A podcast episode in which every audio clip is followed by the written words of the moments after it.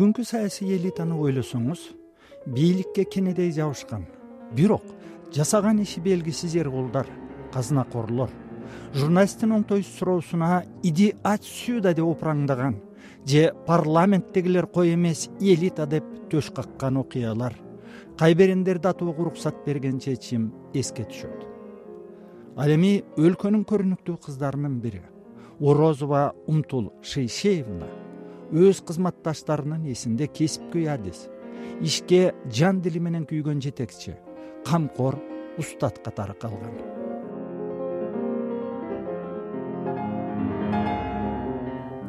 умтул орозова бир миң тогуз жүз алтымыш биринчи жылы кыргыз мамлекеттик университетин аяктап комсомолец киргизий гезитинде эки жыл кабарчы болуп иштеген.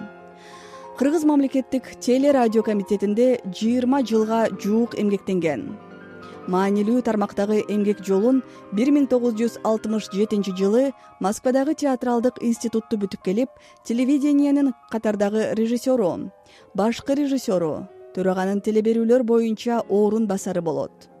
бир миң тогуз жүз сексенинчи сексен бешинчи жылдары кыргыз ссср компартиясынын борбордук комитетинин маданият бөлүмүн андан соң республикалык теле радио комитетти жетектеп бир миң тогуз жүз токсон биринчи жылы кызматтан алынат ссср жогорку советинин депутаты болгон. Орозова умтул шейшеевна жөнүндө маданиятка эмгек сиңирген ишмер бакиева тамара эженин эскерүүсү. Экран дружбы деген бир көрсөтүү даярдачу элек. Мен ошондо борбордук телевиденияга э, жана бүткүл союздук радиого көрсөтүүлөрдү уктурууларды даярдоо боюнча башкы редакциянын башкы редактору болуп иштедим эле анан бир күнү планеркага келдик. Планеркага бүт э, башкы редакторлор келди. Биз ошондо ар бир башкы редактордон өткөн көрсөтүүлөр жөнүндө ой пикириңерди айтып бергиле деп ой пикирди укчу эле биринчи планеркага келгенде андан кийин ошол экран дружбы деген көрсөтүүлө көрсөтүүгө орто азия республикасынан төрт республика анан казакстан кошулчу эле да ошондо беш э, республикадан он эки мүнөттөн алтымыш мүнөт айына эки жолу чыкчу элек экран дружбы деген көрсөтүүгө менден сурап калды. Мен төрт республиканыкын айттым дагы бешинчи туркменстан менен телефон менен байланыша албай ошо туркменстандыкын эртең айтып берейин сизге десем анан ошол жерден мени туркменстан деген республиканын эмне көрсөтөөрүн билбедиңиз билбесеңиз эмнеге келдиңиз планеркага деди. Эмне деп айтаарымды билбей анан эртең айтып берейин десем аябай мындай э, катуу замечание берди мага аябай капа болдум экөөбүз жакын жолдош болсок ошо элдин көзүнчө менин шагымды сындырбай эле койсо болмок деп өзүм ойлоп калдым. Анан э, башкы редакторлор планерка бүткөндөн кийин чыгып кеткенден кийин калып чыдай албай ыйлабийдим да. Ушуну э, башкы редакторлор чыгып кеткенден кийин деле айтсаң болот эле ушуну мен түшүнөт элем го. Мен качан эч кандай э, болгон нерселерди өз убагында жасачу эмес белем. Жогорку деңгээлде деп айтчу эмес белең деп эле ошентип ыйлап ийсем айтты өзү дагы туруп эгерде сен мага жолдош болсоң сен элден мурун жумушка келишиң керек. Сен элден мурун болгон нерсеге өз убагында таасын так жооп беришиң керек. Эгерде андай андай жасай албасаң анда мен сени менен жолдош эмесмин деди деди бүгүн эл аралык кувейт университетинин журналистика кафедрасында эмгектенип жаткан профессор тамара жаманбаева. Умтул эженин сырдаш курбусуна талапты ал дагыдай катуу койгону кыргыз коомундагы туура бийде тууган жок туугандуу бийде ыйман жок деген макалды эске салат тырмактай кезинен өнөр адамдарынын чөйрөсүндө чоңойгон зирек кыз алардан уккан асыл баа сөздөрдү көкүрөгүнө кыттай куюп алган болуш керек. Анткен себебин умтул эже кыргыздын туңгуч дирижеру жана республиканын искусствосуна эмгек сиңирген ишмер шейше орозовдун үй бүлөсүндө туулган. Жакын курбусунан жумушту катуу талап кылган жетекчи жумуш дегенде эч кимди аябасы айдан ачык бул чындыгын айтканда искусство майданындагы эң профессионал адам болчу да. Бул телевидениеге профессионал адам болбосо ал башкара албайт экен. Муну биз өзүбүздүн э, тажрыйбабыздан байкадык. Себеби биринчиден телевидениеге кадрлар керек. Ал кадрларды режиссер болобу журналист болобу анын табитин билген адам ошону адис катары жакшы түшүнгөн адамдар гана тандап ала алат экен да. Бул жактан умтул шейшеевна эң мыкты болчу да. Экинчиден ошо биз жасап кетирип аткан программалардын баарына көзөмөл жүргүзүп турчу да анан ошого кеңеш берген жагынан дагы мыкты профессионал адис болбосо кеңеш бере албайт да. Аны көрө билиш керек аны талдай билиш керек ага сын айта билиш керек ага багыт бере билиш керек. Мына ушунун баарын тең мына умтул шейшеевна орозова. Мыкты билчү да. Үчүнчүдөн бир эң негизгиси бул киши эң жогорку деңгээлдеги уюштургуч болчу да акчаны таба билген адамдын көңүлүн да жайлай билген. Бул киши ушу дос ким кас ким телевидениянын душмандары ким мынтип бөлчү эмес да. Баардыгын бирдей көрчү да бирдей көрүп бул кишинин оюнда жалгыз гана ушул биздин көрсөтүүлүбүз чоң жогорку профессионалдык деңгээлге чыгышына көмөк көрсөтчү да. Дейт эмгек жолун кыргыз телевидениясында режиссердун жардамчысы болуп баштап.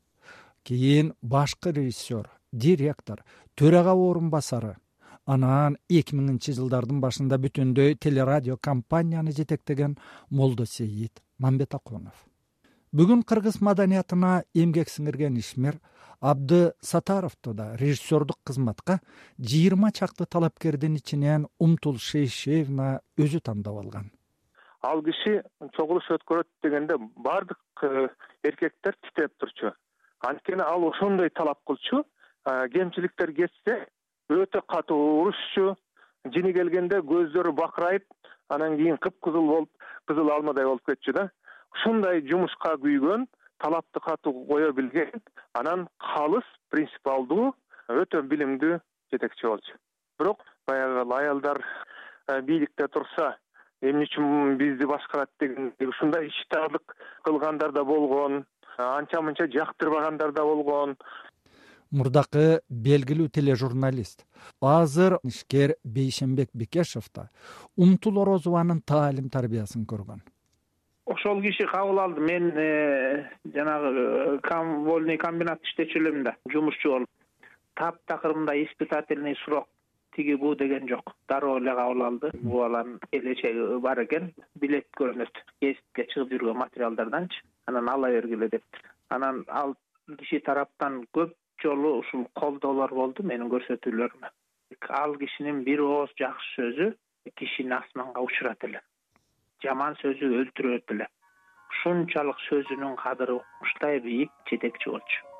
Эң кыйын деген э, телекөрсөтүү адистери режиссерлор болобу операторлор болобу журналисттер болобу ошол кишинин пикиринен ашып бир нерсе кыла алчу эмес баары үчүн ал кишинин пикири авторитет болчу. Жөн эле эталон болчу да. Ошондуктан тиги кишиге кайра айтып мындай каяш айтып же болбосо мындай талашып тартышуу деген болгон эмес. Балким заман ошондойдур бирок э, заман эмес. Менимче ошол тиги кишинин адистик деңгээли анан кийин адамдык деңгээли жогору эки сүйлөбөгөн сөзү менен иши дайыма дал келген эч убакта калп айтпаган бир принципти кармап ошонун аягына чыгарган киши болчу.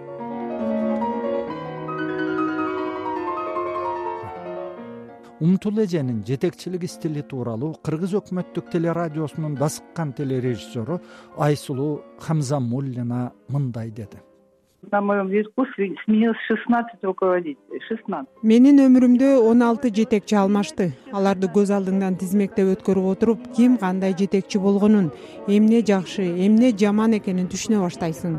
Умтул шейшеевнанын жакшы жетекчи экени талашсыз. Иштин баарын өзү кылган жана аны жакшы уюштура билген. Башкалардан жумушту талап кыла алган жетекчи болуп бөлүнөт эмеспи бүгүнкү тил менен айтканда менеджер катары умтул шейшеевна ортоңку жетекчиликке абдан жакшы тың адамдарды тандап алар менен өтө жакшы иштешкени менен айырмаланат. Ортоңку звено башка кадрлар менен иш жүргүзөт эмеспи? Бул анын мыкты сапаттарынын бири. Вот это вот у нее это одно из первых было качеств. Она была конечно лидером. Ал албетте лидер болчу. Аны лидер катары элдин баары таанычу. Жетекчилик харизмасы да күчтүү эле. Талапты катуу койчу мунусу көптөргө жакчу эмес. Ал теле берүүлөргө карата өз пикирин түз балта кескендей кээде орой да айтчу. Анын теле берүүлөргө берген баасы кесиптик тажрыйбасына көрөгөчтүгүнө билимине негизделген. Талап негиздүү болсо жетекчинин айланасындагы адамдар кесиптик жактан өсөт стагнация болбойт. Умтул шейшеевна талапты катуу койгондуктан адамдар андан коркушчу. Ошол эле учурда умтул шейшеевна адамды анын жасаган эмгегин баалай билген и она очень ценила людей. Айсылуу хамзамуллина евразия телеакадемиясынын академиги